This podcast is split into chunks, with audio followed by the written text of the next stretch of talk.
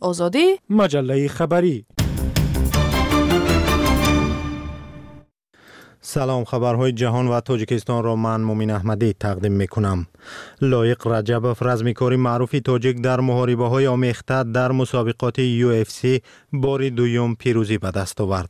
این رزمیکاری 33 سالت در نبردهای UFC ки шаби дуюм ба сеюми март дар толори UFC Apex шаҳри Лес-Вегаси иёлоти Невада, иёлоти Муттаҳидаи Амрико доир гардид, дар вазни сабук бар рақибаш Абдулкарим Ал-Селвадӣ аз Фаластин дар раунди сеюм ба нокаути техникӣ ё фаннӣ غلبه کرد. این سیومین نبرد لایق رجبوف در UFC به شمار می رفت رقیبش عبدالکریم 28 ساله باشد. باری اول در UFC هنر نمایی کرد. نتیجه هایش در محاربه های آمیخته 15 غلبه و 4 باخت است. لایق رجبوف در محاربه های آمیخته از 24 رقابت در 18 تاش پیروز شده 5 تاش را باخته است و یک تاش را مساوی کرده است. Исроил дар умум пешниҳоди оташбаси шашҳафтаина дар ғазаро пазируфтааст дар ин бора телевизиони cnn ва нашрияи financial times бо такя ба намояндаи қасри сафеди амрико хабар додааст. Тибқи нақша бар ивази оташбас бояд занҳо афроди солманду захмӣ аз асорати гурӯҳи мамнӯи ҳамос дар иёлоти муттаҳидаи амрико ва аврупо озод ва ба ғаза кӯмаки бештари башардӯстона расонида шавад расонаҳо хабар медиҳанд ки барои баррасии тарҳи созишнома намояндагони гурӯҳҳои фаластинӣ иёлоти муттаҳидаи амрико ва қатар ба қоҳира пойтахти миср рафтанд интизор меравад ҳайати исроил низ ба қоҳира равад با گفته سینین دوام شش هفته سازش نوبتی برای ایواز گروگانها و انتقال کمک‌های بشردوستانه به غزه باید آماده شود.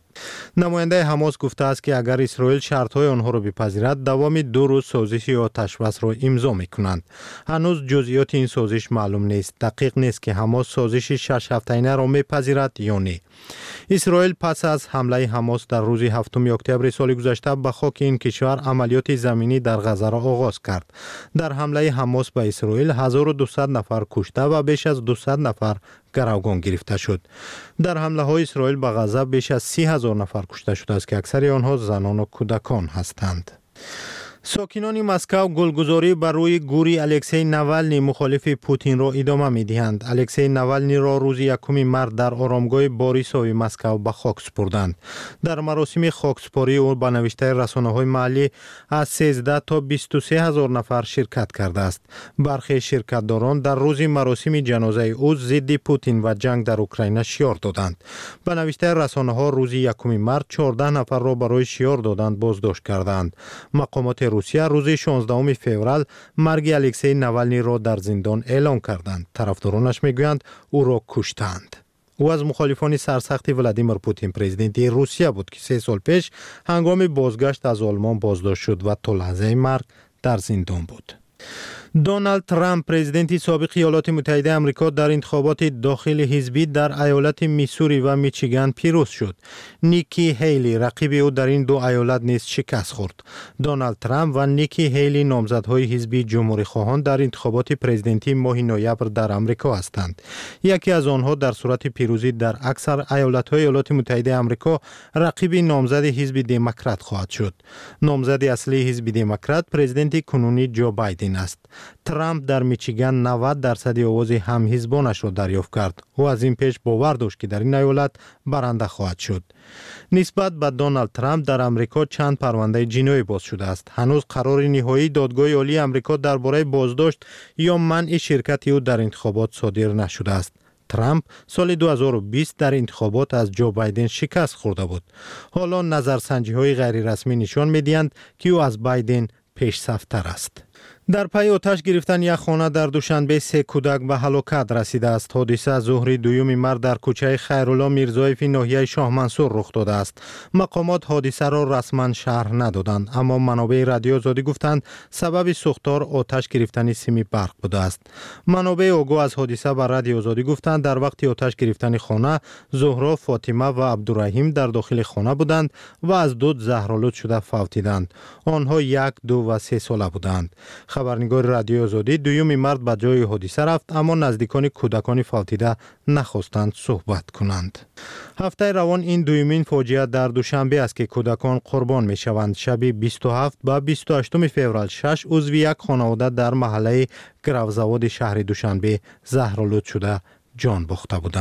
یک خانواده در محله گروزواد شهر دوشنبه زهرالود شده. جان باخته بودند سلام. خبرهای رادیوی زودی رو من مومین احمدی تقدیم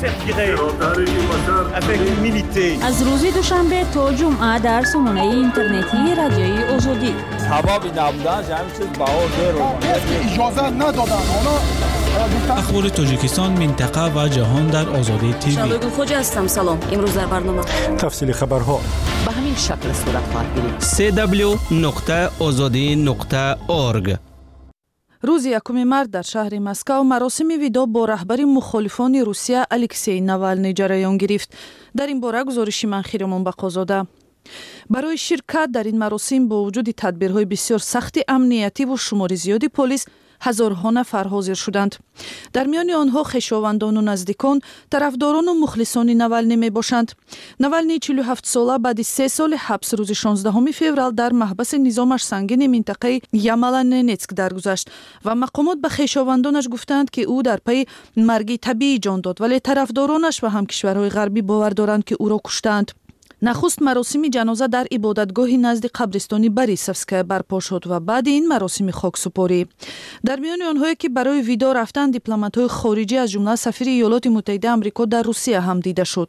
Дар назди ҷасади навални падару модари ӯ нишаста буданд қабраш бо садбаргҳои сафеду сурх оро дода шуд полис барои ширкатдорони маросим як долоне созмон дод ки бо деворҳои оҳанӣ иҳота дода шуд.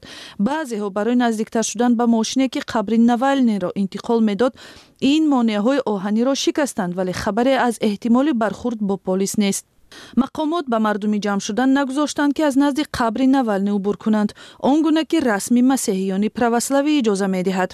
Полис дар дохили қабристон санад ва сумкаҳои мардумро месанҷид.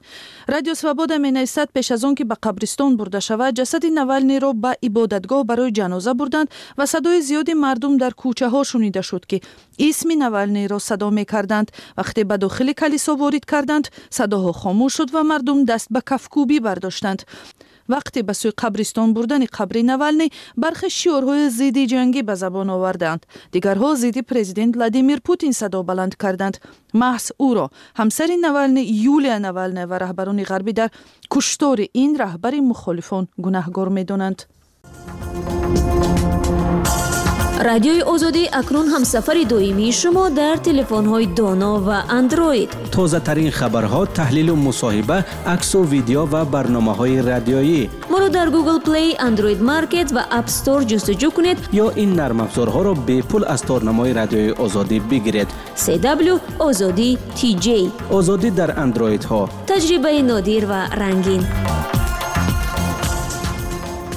یک ساکنی ناحیه خراسان ولایت خطلان را به گناه کشتار در زمان جنگ شهروندی در تاجیکستان به دوازده سال زندان محکوم کردند. من میرزا نبی خالقزاد راجع به این موضوع گزارش بیشتر ارائه خواهم کرد. یوسف صالحوف محافظ فرمانده سابق فرانت خلقی خوجه کماندیر. با آن گناهگار دانسته شده است که همراه ده شخص مسلح در ناحیه خراسان غازی ملک سابق در کشتن 22 عضو یک عائله دست داشت. حادثه تیر ماه سال 1992 روی داده است. به نقل یکی از شرکتداران مرافع یوسف سالیهوف در سخن آخرین در دادگاه گفته است همراه سلاحداران در جای حادثه بود اما کسی را نکشته است. پیوندان قربانیان حکم را سبک حکم را دادرس دادگاه شهر باختر نجمیدین صدرالدین زاده روز 23 فوریه امسال صادر کرد. طبق آن یوسف سالیوف جزا را در زندان نظامش سنگین پسی سر خواهد کرد. رادیو آزادی بعضی از جزئیات را روز 28 فوریه دسترس کرد. یکی از منابع آگاه گفت سالیوف بر اساس بند 104 قسم دوی کودکس جنایی تاجیکستان یعنی کشتن دو نفر یا از آن بیشتر گناهگار دانسته شد. پیشتر دادستان به او 15 سال زندان طلب کرده بود. صالحوف را در ماه ایولی سال 2023 با درخواست مقامات تاجیکستان در روسیه دستگیر و سپس به دوشنبه فرستادند. مقامات تاجیکستان از آن وقت تا حالا درباره حادثه حرف نگفتند.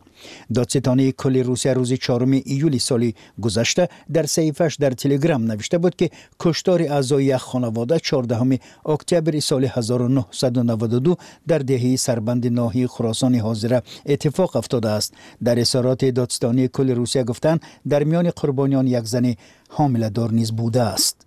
هدف آنها غارتگری و از خودکنی مالکیت بوده است. پس از قتل اعضای خانواده گروه سالیوف جسدها را بنزین ریخته با ماشین جبدیده ها از جای حادثه فرار نمود. در این کشتار دو نفر جان به سلامت بردن. اطلاع داده بود دادستانی کل روسیه.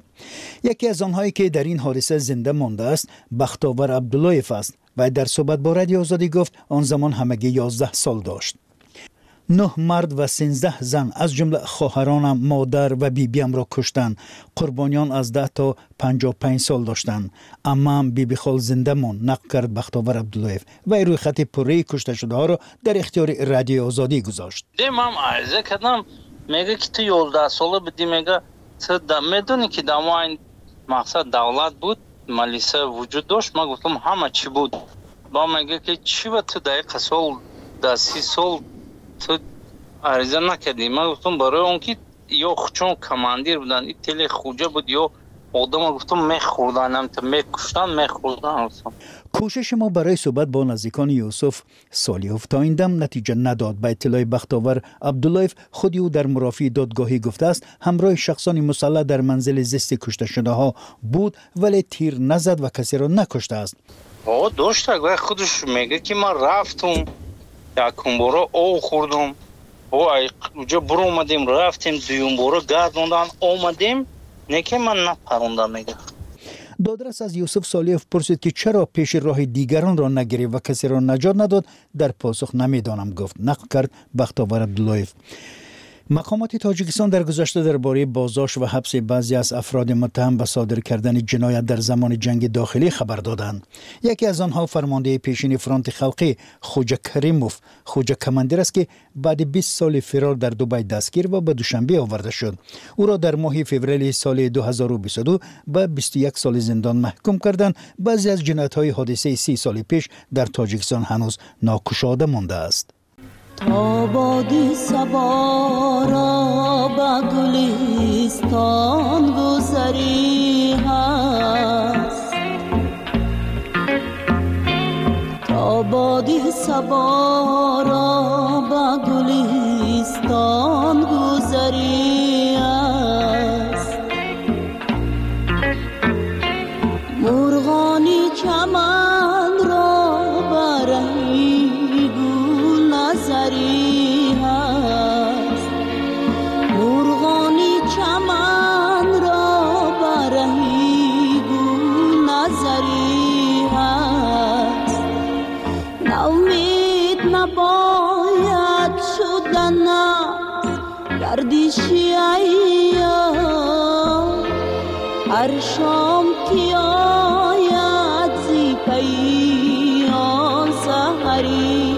heart.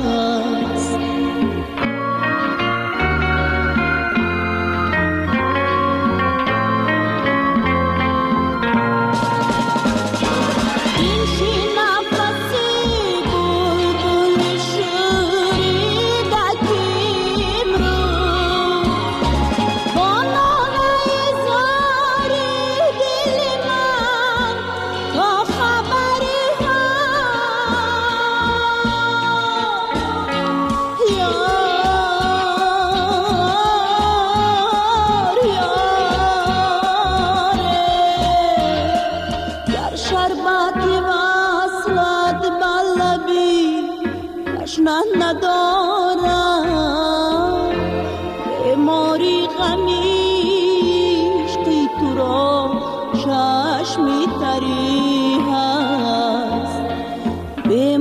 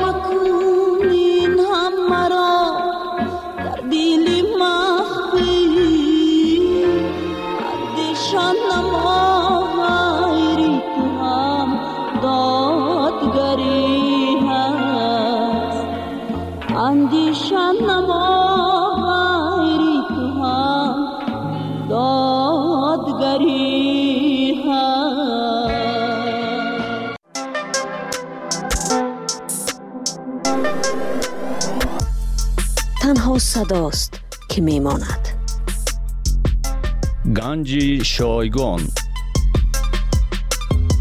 Аз гузаштаҳо ногуфтаҳо ва ношунидаҳо. Дар подкасти салими аюбзод салому дуруд дӯстони азиз дар подкасти ганҷи шойгон ва шукри беадад ки намурдему дидем ки чӣ гуна пешгӯиҳо ҷомаи амал мепӯшанд. در این برنامه سال 2006 پیشگویی شده بود که پیشوا یا داهی مردم قزاق اعلان شدن نورسلطان نظربایف چند سال دوام می کند و سپس به خاک سیاه یکسان می. ولی این چند سال تگ 20 سال دوام کرد. از همه عجیبش خودی نظربایف هم در زندگیش با چشمان خود دید که عنوانهای بلند و حیکلهایش فرو дар он соли 2006 вақте ки ба худаш ин унвони баландро медод ҳеҷ гумон надошт ки оқибаташ чунин мешавад. Вагарна каме хоксорӣ мекард. Накард ва дари чунин қарорҳои чопулӯсонаро барои президентҳои дигар боз намуд. Як чизро фаҳмидан душвор аст ки бархе раҳбарон ба чоплӯсӣ чанд манфиатҷӯи давру бари худ бовар мекунанд ва худро агар худо ҳисоб накунанд пайғамбари охирзамон медонанд. لیکن اصلش را گیریم آنها همه چی را به خوبی می‌فهمند نظربایف هم می‌فهمید دیگران هم می‌فهمند اما هدف از قانونهایی که آنها را شخصان فوقالعاده و خدمتهایشان را تاریخی اعلام می کنند خیلی ساده تر و زمینی تر است. آنها می ترسند که اثر قدرت روند به کمیش در زندگی خور و زار شدنشان حتمی است اگر بدتر از این برای جنایتهایشان زندانی نگردند. بناهن برای خود از قانونهای بلعجب سپر می سازند. یا اگر تخته شاهماد را پیش نظر آریم خود را قلعه بندی می کنند. عنوان فخری پیشوا آهسته آهسته آنها را به یک چیز شبیه پادشاه یا شاهنشاه تبدیل می دهد. ولی با وجود این آنها خود را رهبران دموکرات جلوه می دهند و در قانون اساسیشان کشور خود را دموکراتی و حقوق بنیاد می نامند. در آن برنامه سال 2006 تلاش این بود که چه کسی بودن یک رهبر دموکرات مورد صحبت قرار گیرد. همصحبتانی خوبی از داخل و بیرون کشور در این برنامه شرکت کردند. حالا با هم شنویم. در راه هستید مهمانی یا در جای کور مهمانی یا در جای کور علاجه خواندن ندارید امکان دیدن هم امکان دیدن هم پودکست رادیوی آزادی را بشنوید нақлияи гӯшакӣ танҳо барои шумо. Дар вақти дилхоҳ ва ҷои дилхоҳ сиёсатшиносон мегӯянд раиси ҷумҳурҳои зиёде дар мамолики гуногун худро демократ меноманд. Вале президентҳои воқеан мардумсолор чӣ дар саҳнаи имрӯзаи ҷаҳон ва чӣ дар таърих зиёд набудаанд. Аммо бо вуҷуди камшуморӣ ҳар яки онҳо симои дурахшон мондагор ва ибратомӯз номида мешавад. Ба монанди нелсон мандело франсуа митеран васлав ҳавел ва дигарон. امور سیاسی علیرضا نوریزاده می‌گوید بیش از همه بیل کلینتون به معیارهای یک رئیس جمهور دموکرات جوابگو بوده است. پرزیدنت بیل کلینتون یکی از افرادی بود که چشمانداز ذهنیش دموکراته.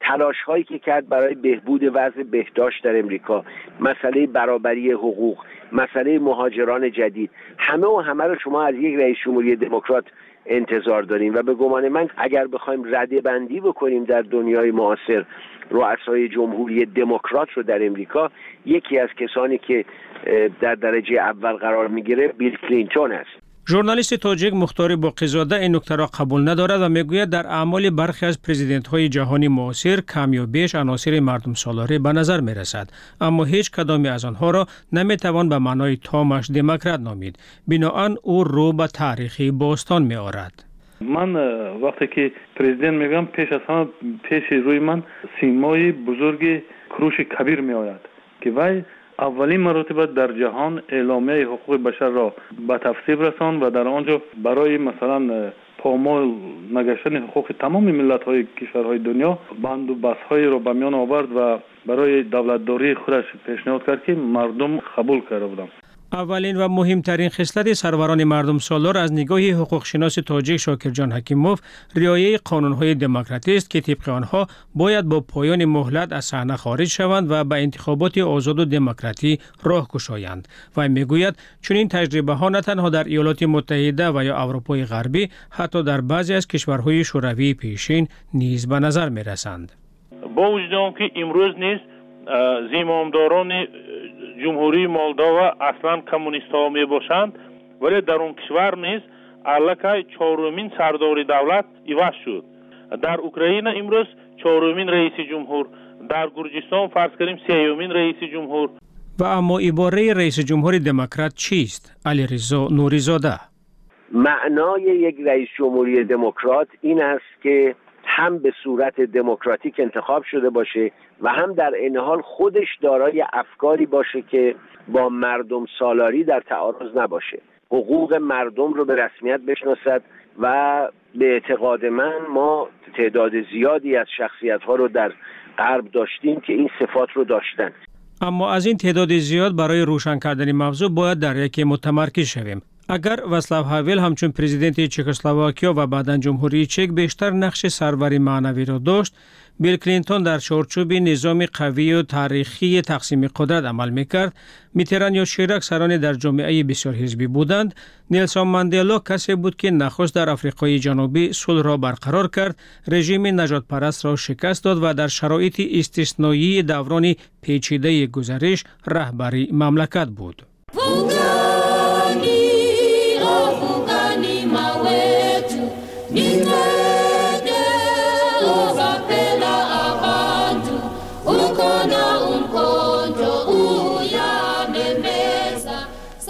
مردم افریقای جنوبی همین گونه سرود آفریده است در حق نیلسون ماندلا و او را بابای ما و یا پدر ملت می نامد. همچون حقوق شناس و یکی از سران کنگره ملی افریقا برای مبارزه با رژیم آپارتاید ماندلا با اتهامات بافته در سال 1964 زندانی شد اما از عقیده های خود دست نکشید و در محاکمه دادگاه گفت آرمانش یک جامعه دموکراتی و آزاد است و این عقیده ها سزاوار عمر اویند و آماده است برای آنها بمیرد. Idea for which I hope to live for. But my Lord, ماندلا گفت آرمانش یک جامعه دموکراتی و آزاد است و این عقیده ها سزاوار عمری او می باشند و آماده است برای آنها بمیرد.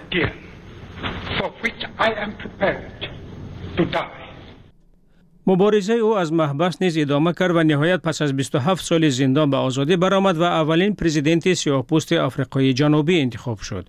مبارزه وی نه بر ضد حاکمیت سفیدپوستان بود بلکه برای حقوق‌های برابر. و کشور را به مصالحه آورد و پس از پنج سال یا یک دور ریاست جمهوری به طلبهای زیاد و صمیمانه اکثریت کل مردم نگاه نکرده از شرکت در انتخابات دست کشید تا به نسل دیگری سیاستمداران راه دهد. و استعفای خود را بازنشستگی نه بلکه آغاز نوی نامید و گفت خود را جوان حس می کند گویا پنجاه ساله است I feel like a young man of 50. کارشناس تاجر عبدالله رهنما می‌گوید ماندلا حق داشت برای 27 سال مشقتش در زندان 27 سال پرزیدنتی طلب کند. ولی وقتی بیرون آمد از کینه و دشمنی فاصله گرفت تا به مردم خود نمونه عالی قانونمندی را نشان دهد. به نوشته توماس فریدمن ژورنالیست سرشناس امریکا اگر ماندلا این گونه نمی‌کرد آرمان های بنیاد یک جامعه مردم سالار را برباد و آینده کشوری در حال گزارش را به سمت خودکامگی تحریک می‌داد. ماندلا و دیرتر واسلاو هاویل برقراری صلح و ثبات و یا حساسیت دوران گذریش را به بهانه ادامه ریاست خود تبدیل ندادند. پس عملا نه در سخن یک پرزیدنت مردم سالار باید چی رفتاری داشته باشد. شاکر جان حکیموف هنگامی به عمل برآوردن صلاحیتش رئیس جمهور бояд волоияти қонунро таъмин кунад э, шароити мусоидро баҳри ҷалб намудани сиёсатмадорони боистеъдоду насли нав ба вуҷуд орад бисёрҳизбии воқеиро таъмин кунад ва инчунин э, фаъолияти озоди иқтисодӣ э, рақобат ва ташаккули ҷомеаи шаҳрвандиро эътироф кунад. در اکثر کشورهای آسیای مرکزی محض همان دوره گذار که فریدمان می‌گوید بهانه شده است که پرزیدنت ها در سر قدرت باقی مانند و بگویند که می‌خواهند کار سرکرده خیش را به پایان رسانند اقتصادیات را رشد دهند و به بینوایی مردم خاتمه گذارند. ژورنالیست مستقل تاجیک مختار باقیزاده می‌گوید در واقع مردم سالاری یک پرزیدنت در این جامعه ها پیش از همه به حل مشکلی های اجتماعی پیوند می‌گیرد. پریزیدنتی که مثلا غم کشورش می‌خورد اقتصادیات پیش از همه اقتصادیات به راه میماند و مثلا مجرای زندگی مردم به می‌سازد و پریزیدنت پریزیدنت است. اما آیا در چنین مرحله های سخت تاریخ نیز برای یک پریزیدنت مردم سالار آیا اقتصادیات برتری دارد یا قانون؟ می‌پرسم از حقوقشناس شاکر جان حکیموف البته قانون. اگر قانون و قانونیت نباشد سطح زندگی مردم بالا برداشتن аз эҳтимол дур аст.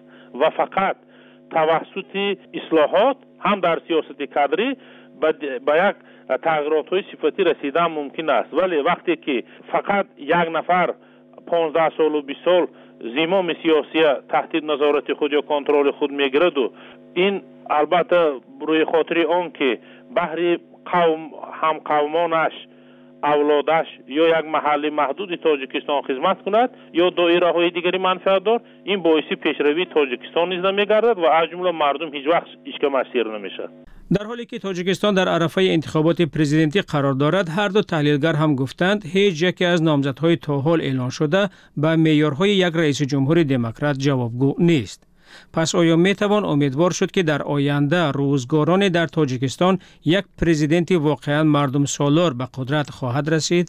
Ман дар чордаҳ соли баъдина намебинам. Агар чунин шаклу усули корбарӣ бошад ва агар иродаи сиёсӣ воқеъ набошаду муҳити мусоид ба ягон дигаргунии назаррас ноил гардидан ғайриимкон аст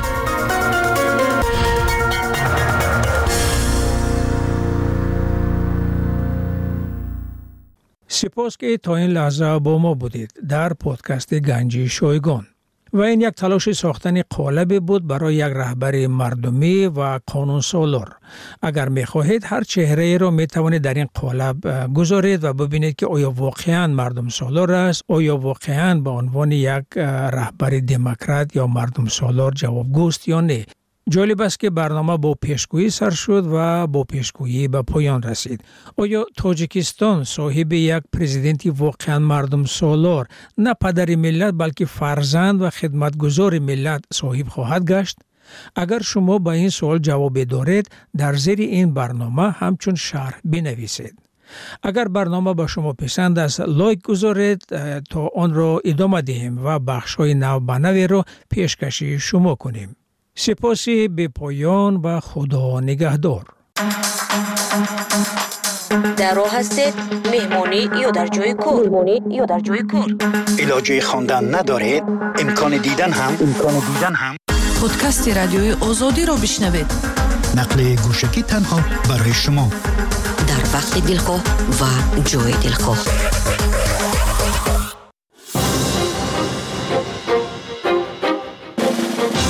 راهگذار بودید و شاهد حادثه عجایب شدید. کودک کردسال شما رفتار و گفتاری مثل قند شیرین دارد. زیباترین منظره کوهستان یا شهر در خارجه شما را به حیرت آورد. کوچه های دهه شما از همه زیباست. می خواهید به کسی یا به جامعه پیام ویدیویی رسانید؟ مشکل را می بینید که باید همه از آن آگاه شوند. صفحه نوی ما خبرنگار مردمی در اختیار آنها است که از این همه عکس صدا یا ویدیو گرفتند. و یا متن نوشتند. خبرنگار مردمی صفحه آزادی نقطه ارگ یا آزادی. موردهای از روسیه راندن مهاجران کاری برای تماشای موعظه روحانیان یا پیروی از جریانهای گوناگون مذهبی افزوده است.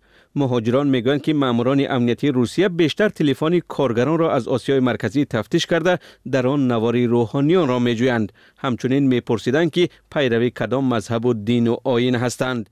در نتیجه چنین سنجش ها بعضی از مهاجران را به افرادگرایی دینی و پیروی از سازمان های فعالیتشان ممنوع در روسیه متهم کرده از خاک این کشور راندند. طرح میگرند میدیای رادیو آزادی چندی از آنها را جمع آورد و من کیومر سیاتا آن را برای شما تقدیم می‌کنم. قنبر مهاجری کاری از قرغیزستان سالهای دراز در روسیه کار و زندگی